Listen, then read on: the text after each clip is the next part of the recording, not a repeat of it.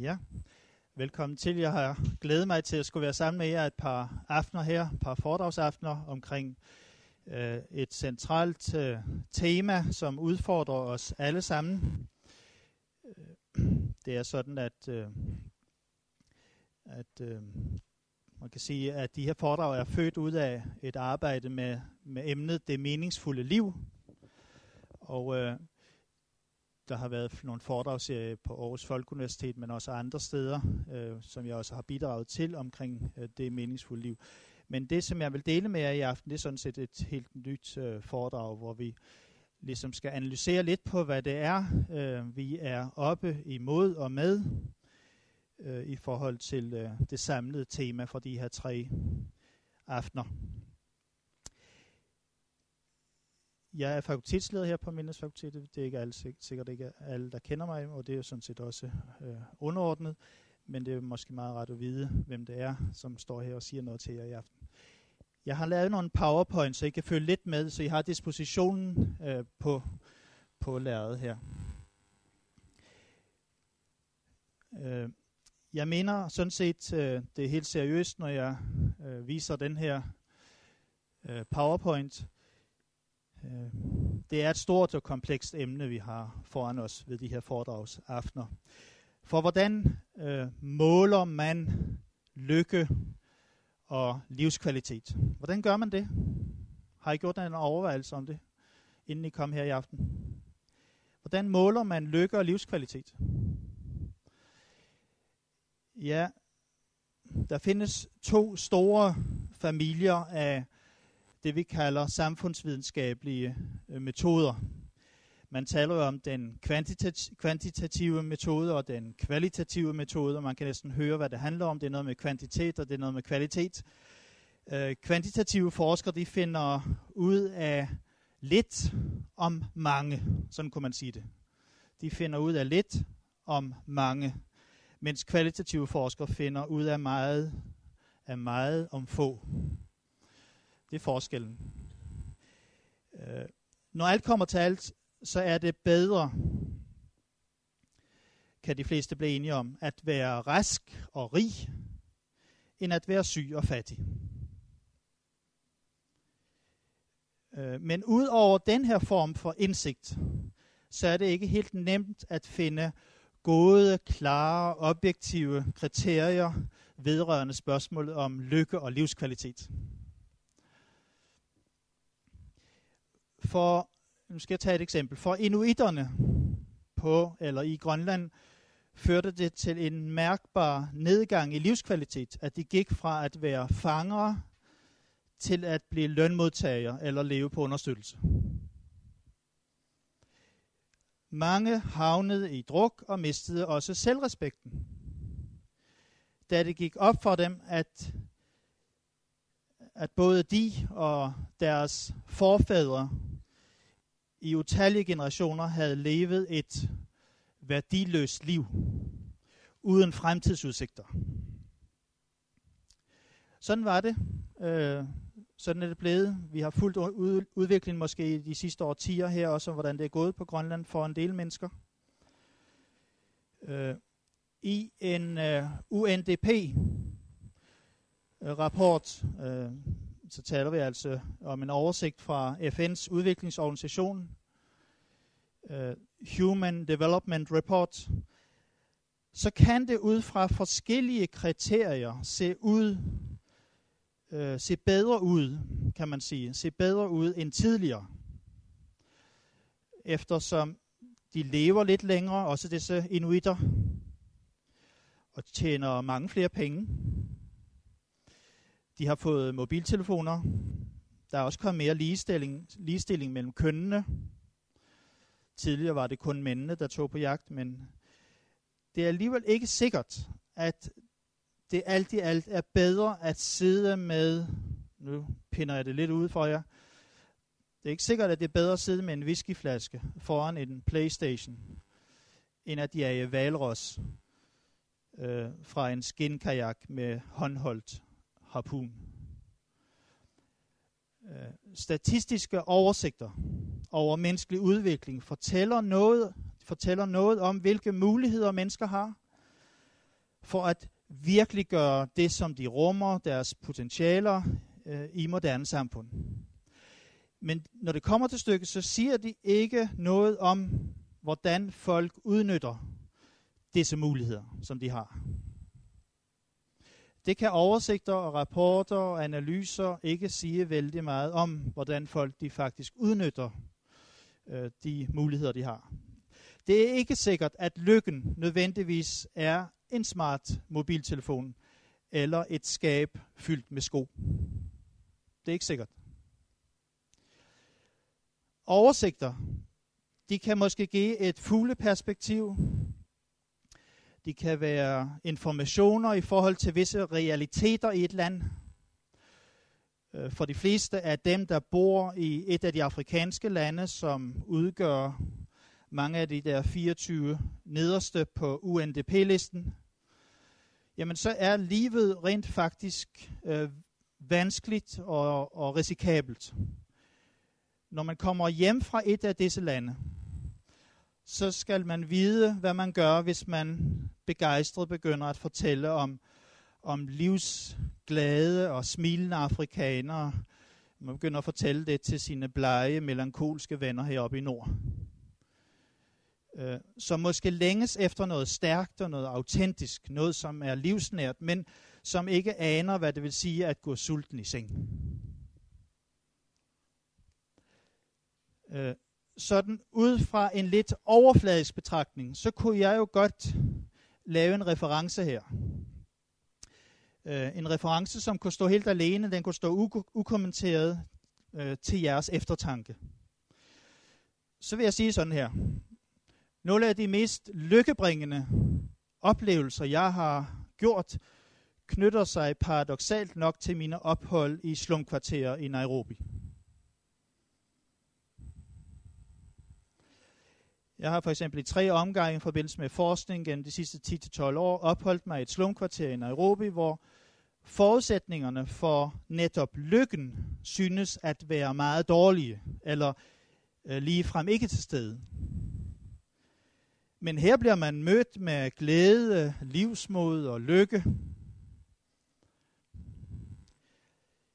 Øh, det forekommer, det forekommer egentlig at falde godt i tråd øh, med en tegning, jeg så i en bog, øh, så en bog om vores valgmuligheder øh, her i livet. Øh, der var en, der sagde sådan her, det land, bedstefar kom fra, altså det er, en, det er en far, der prøver at fortælle noget til sine børn, og så står han der og spejder ud over havet, og så siger han, det land bedstefar han kommer fra, ja, det var et stinkende helvede, hvor alle mennesker levede i usel fattigdom, og altid var glade. Øh, vel, det var bare en vidtighedstegning. Men den sidste kommentar, med den sidste kommentar har jeg også givet en retning på min kommentar.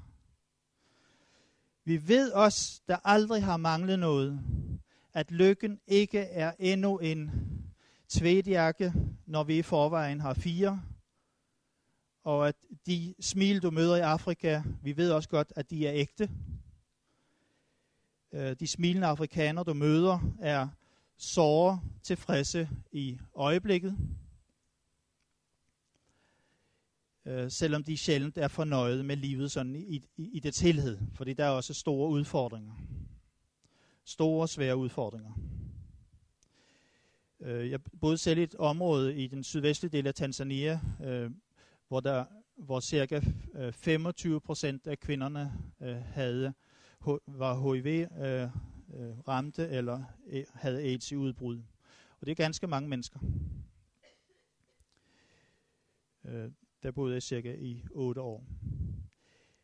Vel, afrikanerne de får det bedste ud af situationen, fordi de ikke har noget alternativ, kunne man sige.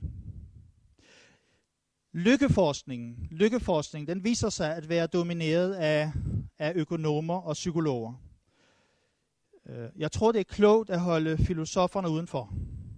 For de vil bare have spurgt, som de faktisk også gør, om det overhovedet er muligt at definere lykke som et almindeligt begreb. Jeg tror også, det er klogt at holde antropologerne udenfor. For de vil bare have sagt, at lykke er to geder og en ung kone og en rar mand og en overbærende svigermor. Jeg tror også, det er rigtig klogt at holde teologerne udenfor. For de vil bare have spurgt ind til noget så blødt og udefinerbart som livets eksistentielle fylde og mening. Ja, der er mange slags metoder, og det er det, der er min pointe. Der er rigtig mange slags metoder og mange faglige perspektiver til, her, til det her spørgsmål, hvordan man skal undersøge menneskers øh, sindstilstand og oplevelse af glæde og misfornøjelighed og deres ja, graden af tilfredshed og lykke og, og livskvalitet. Så det kan godt være, at vi har en fornemmelse af, hvad lykke og livskvalitet er, men det er ikke så enkelt at undersøge. Og de der oversigter og lister og analyser, der er lavet igennem de sidste 15-20 år, øh, de kan pege i vist vidt forskellige retning, og jeg vil godt antyde lidt af det her. Der er en stor international undersøgelse om velvære, om velvære fra perioden 1995 til 2000, som omfattede 65 lande. Øh, den her undersøgelse placerede Nigeria på førstepladsen, fulgt af Tanzania, Mexico og El Salvador. På UNDP's liste, øh, der ligger disse lande, de selvsamme lande, jeg lige har nævnt, på henholdsvis 158. 20. 164. 20. og 53. 20. og 104. pladsen. Så de to første på listen, de ligger nær bunden. De ligger nær bunden på UNDP's oversigt over menneskelig udvikling, hvor fokus er på den menneskelige udvikling. I en tilsvarende undersøgelse fra 1999, der vandt Bangladesh, som ligger på den 139. plads hos UNDP. I en af de nyere store internationale undersøgelser fra 2007, øh, der kom Indien ind på en førsteplads foran Sverige.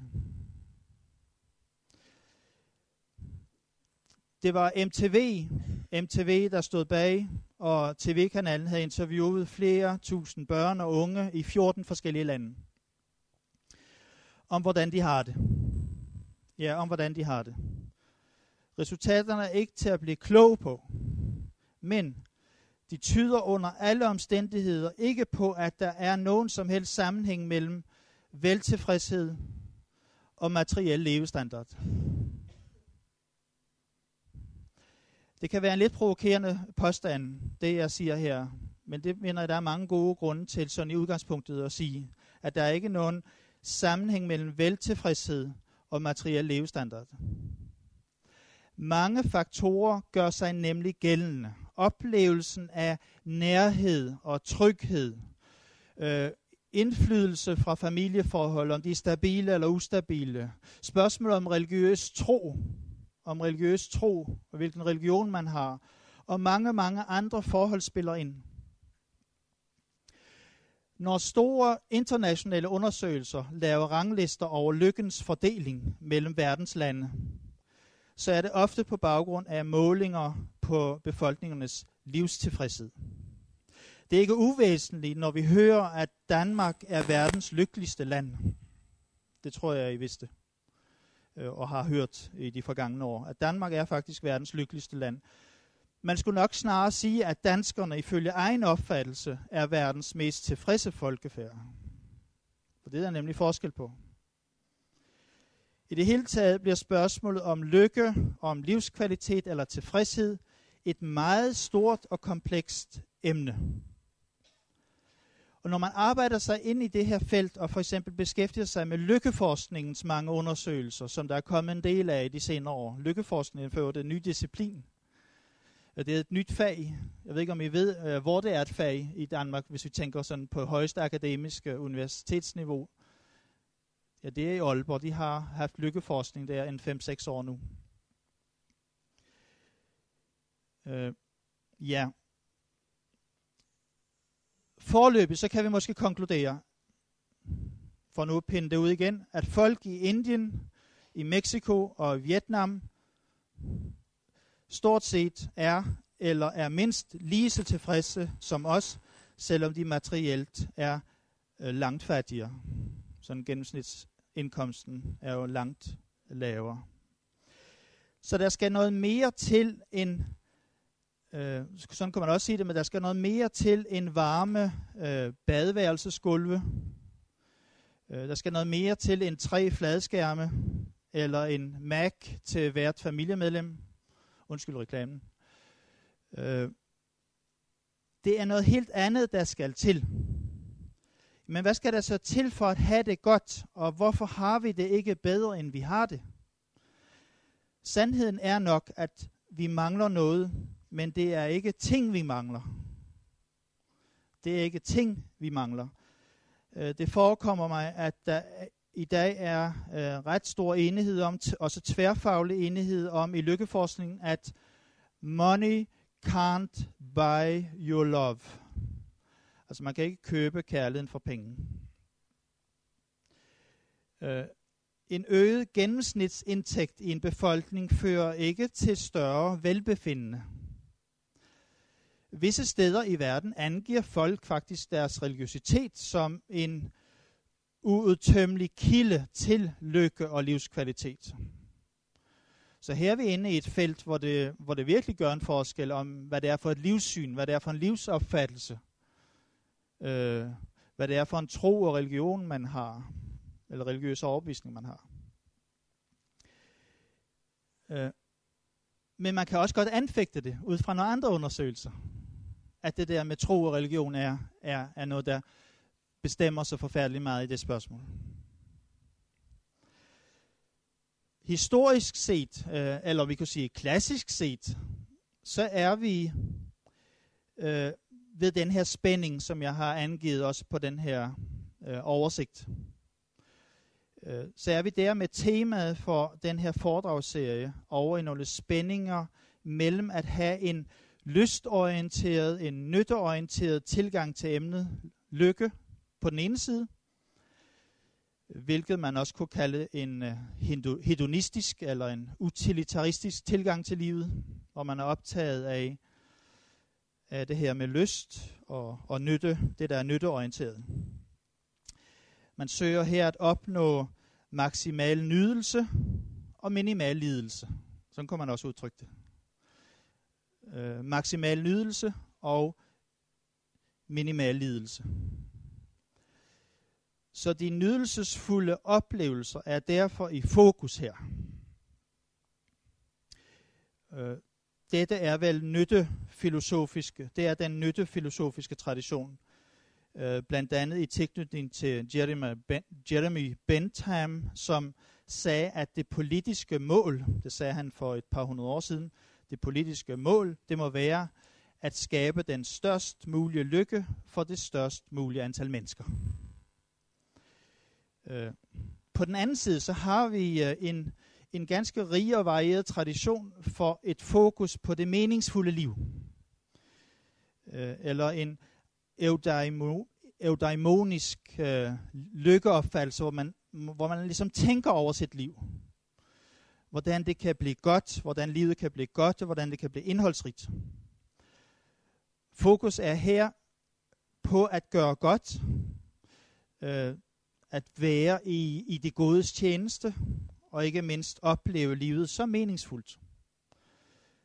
Det er vel den her mere, skal vi sige, livsfilosofiske retning, øh, som kan åbne op for også de dybere eksistentielle spørgsmål, også de teologiske spørgsmål.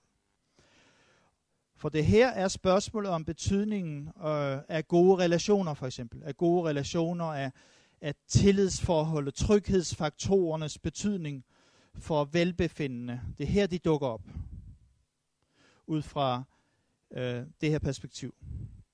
Og, og den, det ser ud til, eller den ser ud over ligesom det, som er handlingsorienteret. Øh, det, det, som har med økonomiske øh, lykkekalkyler at gøre. Og den giver plads til, at erfaringen af lykke kan slå positivt ud på lykkebarometret. Øh, selvom mennesker ud fra for eksempel økonomiske kriterier er dårligt stillet, så kan det godt øh, slå positivt ud øh, på lykkebarometer, hvis man lever i nogle gode relationer, og man er glad og taknemmelig over alt det, som man får lov til at være en del af. Øh, det møder man jo tit øh, i, i det, skal vi sige, i den, øh, ikke, måske ikke altid i storfamilien, men alligevel øh, i, i den nære slægtsfamilie. Øh, i, også i, i, i afrikanske etniske sammenhænge. Hvor sammenholdet og afhængigheden, og det at man øh, bærer hinanden, er, er ganske tydelig øh, i mange ting. Og det er meget øh, meningsgivende. Øh, man kan også få sådan en mærkelig nysgerrighed for at undersøge, hvorfor japanerne, hvorfor japanerne de rangerer højt i materielle levestandard, men lavt og virkelig lavt i subjektivt velbefindende. Det kan man godt spekulere på. Det skyldes jo næppe noget, der ligger i generne.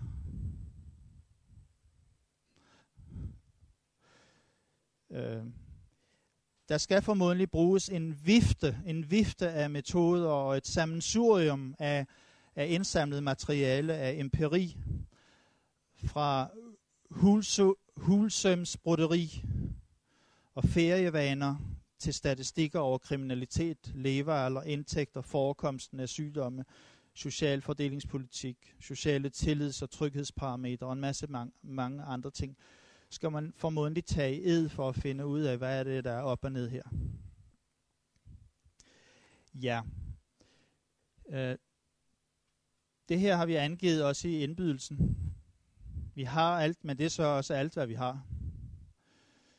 Øh, det er jo for at tydeliggøre øh, en, en tese, et synspunkt, øh, på den der lidt overraskende, overrumplende, provokerende måde måske. Vi har alt, men det er også alt, hvad vi har.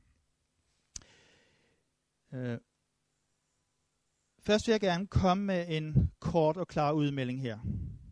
Mange mennesker lever et ganske individualistisk liv og et ganske materialistisk liv her i vores del af verden. I vores kontekst. Hvor blandt andet en række overfladiske fornøjelser i livet og en markant forbrugermentalitet øh, gør sig gældende. Men de selvsamme mennesker, de selvsamme mennesker, som jeg taler om her, de erfarer også, at det ikke gør dem ligesom lykkeligere på et dybere plan. Livskvalitet er virkelig en sårbar og, og en meget ustadig størrelse. Det vil den være, når vi søger lykken gennem forbrug og nydelse. Hvis man har sit liv og sin identitet i forbrug og i nydelse, så er man ude i et meget ustadigt liv. Øh, for vi vil altid sidde tilbage med en form for utilfredshed. Så selvom vi er rigere end nogensinde og lever i et overflodssamfund, så råder der også en betydelig grad af utilfredshed. Øh, I USA, øh, der kan man mange ting. Der har man blandt andet kombineret ordet influenza med affluence, overflod. Øh, så man taler om happiness and affluenza. Øh, det vil sige lykke og overflodsinfluenza. Man er ramt af overflodsinfluenza. Øh, folk er omringet på alle sider af det moderne livs frådende flod. En strøm så kraftig, at det ser ud som om man er nødt til bare at springe i og følge med strømmen. Og denne strøm lover lykke i overflod. Men for mange mennesker er vandstrømmens kraft langt stærkere end lykken. For mange mennesker er vandstrømmens kraft og styrke langt større end lykken.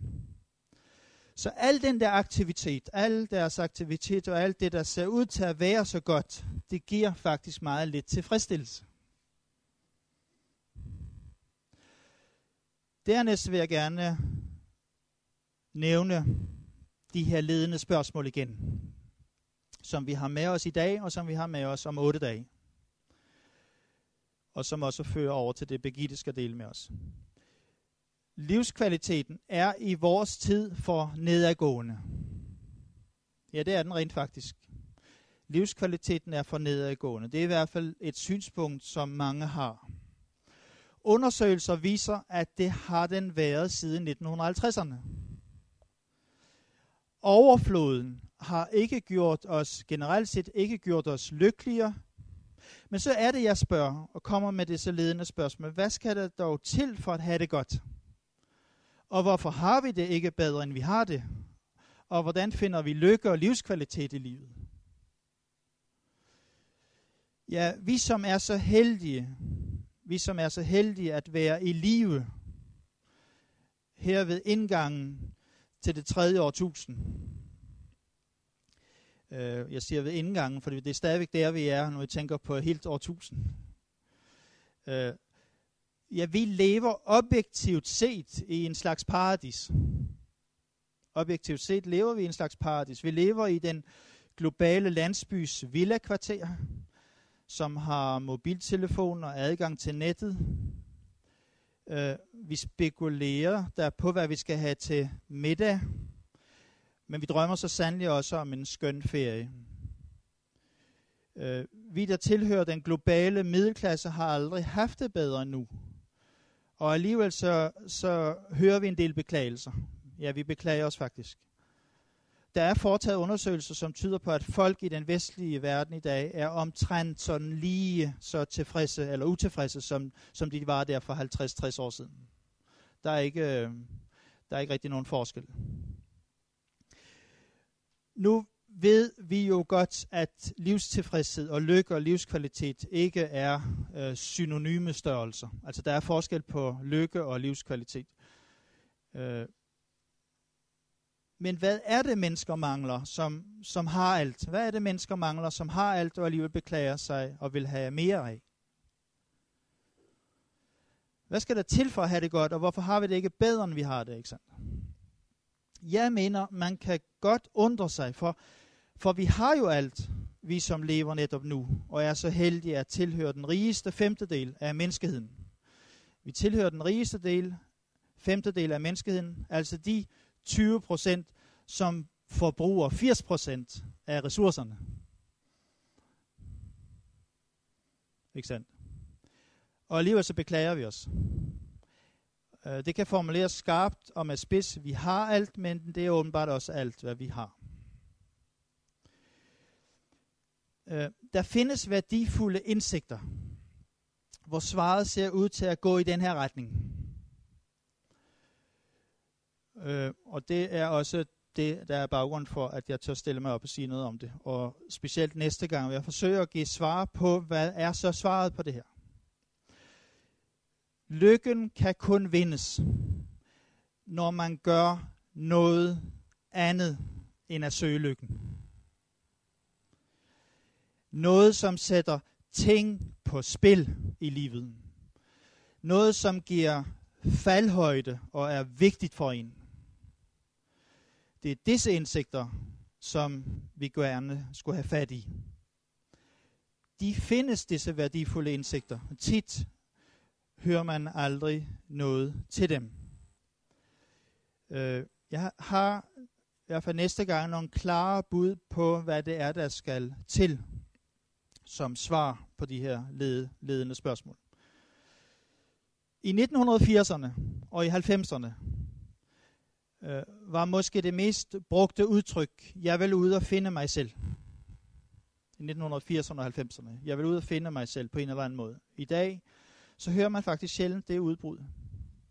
I stedet er det sætningen, jeg vil bare gøre en forskel, eller jeg vil gøre en forskel. Eller lignende. Øh, det er i hvert fald noget, der har karakteriseret de 10 år, der er gået. Det er ofte det, der står, ligesom og, står der og dir i samtalen. Det understreger, at vi måske så alligevel er nået dertil, hvor vi gerne vil gøre noget med vores liv, øh, som ikke kun tjener os selv. Måske er der alligevel sket noget her de sidste 20-30 år, som gør, at, at den der mærkelige, øh, ubestemmelige form for tomhed, at den alligevel ikke holder mål. Og man oplever noget af indersiden i den tomhed, måske også for sin egen del at vi vil måske gerne gøre noget med vores liv, som ikke kun tjener os selv, men også andre, og som på en eller anden måde indgår i en større sammenhæng. Det vil sige, man kan koble sin egen livsmening op på, på en større mening. Det er dog ikke altid nogen enkel opgave at sætte os selv og vores virke ind i en større sammenhæng. Det er ikke altid så enkelt. Man har måske ikke længere den der øh, stabile øh, personlige identitet. Øh, en del mennesker lever i sådan en kulturel centrifuge. En centrifuge kender vi godt, når den kører hurtigt, så slynges man ud. Også ud til grænsen af ens egen personlighed, hvor man har svært ved at finde ud af sin identitet og finde ud af, hvem man selv er som menneske. Og der kan det være svært at yde noget, som rummer den centripetale kraft, som er styret ind mod det centrale, mod det vi egentlig bør fokusere på, på fællesskabet, på relationer osv. Man står i fare for at blive stressramt, eller man konfronteres med andre udfordringer, som gør det svært at leve sig ind, så at sige, leve sig ind i en lykkelig tilstand. Øh, og når jeg siger lykkelig tilstand, så kan jeg tænke på definitionen af lykke i nudansk ordbog, der siger sådan meget simpelt, det er at føle stor glæde og tilfredshed. Det er lykke. At føle stor glæde og tilfredshed. Det kan være svært at finde ind der, så det passer ind. Men det er slet ikke alle, der kan finde ud af at være lykkelige. Selvom deres praktiske vilkår og forudsætninger ligesom er til stede.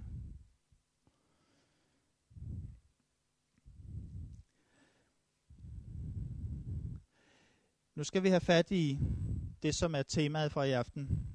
Den store stykke uld-syndromen. Store stykke uld-syndromen. Hvad er det, vi virkelig mangler? Og mit svar er, det korte svar er, vi mangler håb. Nogle vil sige, at vi mangler utopier, vi mangler drømmene, øh, arbejdet med at virkeliggøre og realisere drømmene. Øh, men vi mangler nok et håb, hvis vi skulle sige det meget kort. I hele menneskehedens historie har kampen for tilværelsen været det helt centrale ledemotiv. Øh, og nu er det ikke længere sådan øh, for os privilegerede. Øh, tilværelsen giver sig ligesom selv. Den går gnidningsløst på, på automatpilot. Hvis det er rigtigt, at vi har alt i det her forbrugersamfund, men men det er så også alt, hvad vi har, så tror jeg på, at den bedste diagnose, der kan stilles, er ved hjælp af store stykke uld-syndromet. Ja, for os, nu må I lige læne jer lidt tilbage, for os, der i rigtig mange år har fulgt med i livet i Anneby og omegn, så er det ganske velkendt det her. Den glupske, altid sultne, store stykke ulv, der bor i skoven uden for Anneby, har et stort projekt i livet. Han ønsker at fange, koge og spise tre lækre, lyserøde smågrise, som bor i Anneby. Det er hans store projekt. Han ønsker at fange, koge og spise de tre lækre, lyserøde grise. Og de bor kun godt en kilometer uden for den samme skov. Derfor står han hver morgen op og lægger lumske planer, efter at han har spist en spartansk morgenmad, ofte havregrød. Han udpynser originale forklædninger og konstruerer snedige grisefælder – han udtænker overrumplingsmanøvrer og lægger sig på lur der, hvor han ved, grisene plejer at komme forbi. Sædvanligvis så lægger grisene et skridt foran store stykke uld. Øh, det vil sige, den smarteste af dem gør. Men ved en bestemt lejlighed, så lykkedes det ham endelig at fange de tre fede små, små grise og anbringe dem i gryden. Jeg husker, at det skete en gang i 1970'erne. Øh, Vandet bliver varmt. I tusgårdene gulerødder og løg flyder rundt. Alt ser ud til, at grisene skal ende deres dage som ulvemad. Så stiller praktiske gris et rigtig godt spørgsmål. Når store stykke ulv, hvad har du så tænkt at tage dig til i morgen? Ulven tænker sig om et øjeblik og taber underkæben, da han havde forstået spørgsmålet. Ja, hvad alverden skal han tage sig til i morgen? Men den tabte, med den tabte underkæbe og det bortvendte blik, så slap han grisene løs.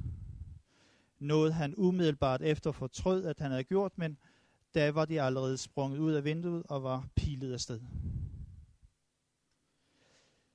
I et sjældent glimt af selvindsigt, så indså store stykke ulv, at hele hans livsindhold hvilede på projektet om at fange, koge og til sidst æde de tre grise. Uden grisene i kikkerten har han ingen grund til at stå op om morgenen. Vi er som store stykke ulv dagen derpå. Vi er som store stykke uld dagen derpå. Vi er en del af den generation, som ikke byggede landet. Vi er som født ind i den globale middelklasse efter 2. verdenskrig. Flyttet ind i et færdigt hus i ganske god stand. Det eneste, der stod tilbage at gøre for os, bortset fra måske lidt reparation af, af en eller anden vindueskarm, det var at installere boblebad, øh, stresslænestole og så kabel-tv. Øh, der er meget, der tyder på, at vi har brug for nye grise at jagte. Ja, der er rigtig meget, der tyder på, at vi har brug for nye grise at jagte.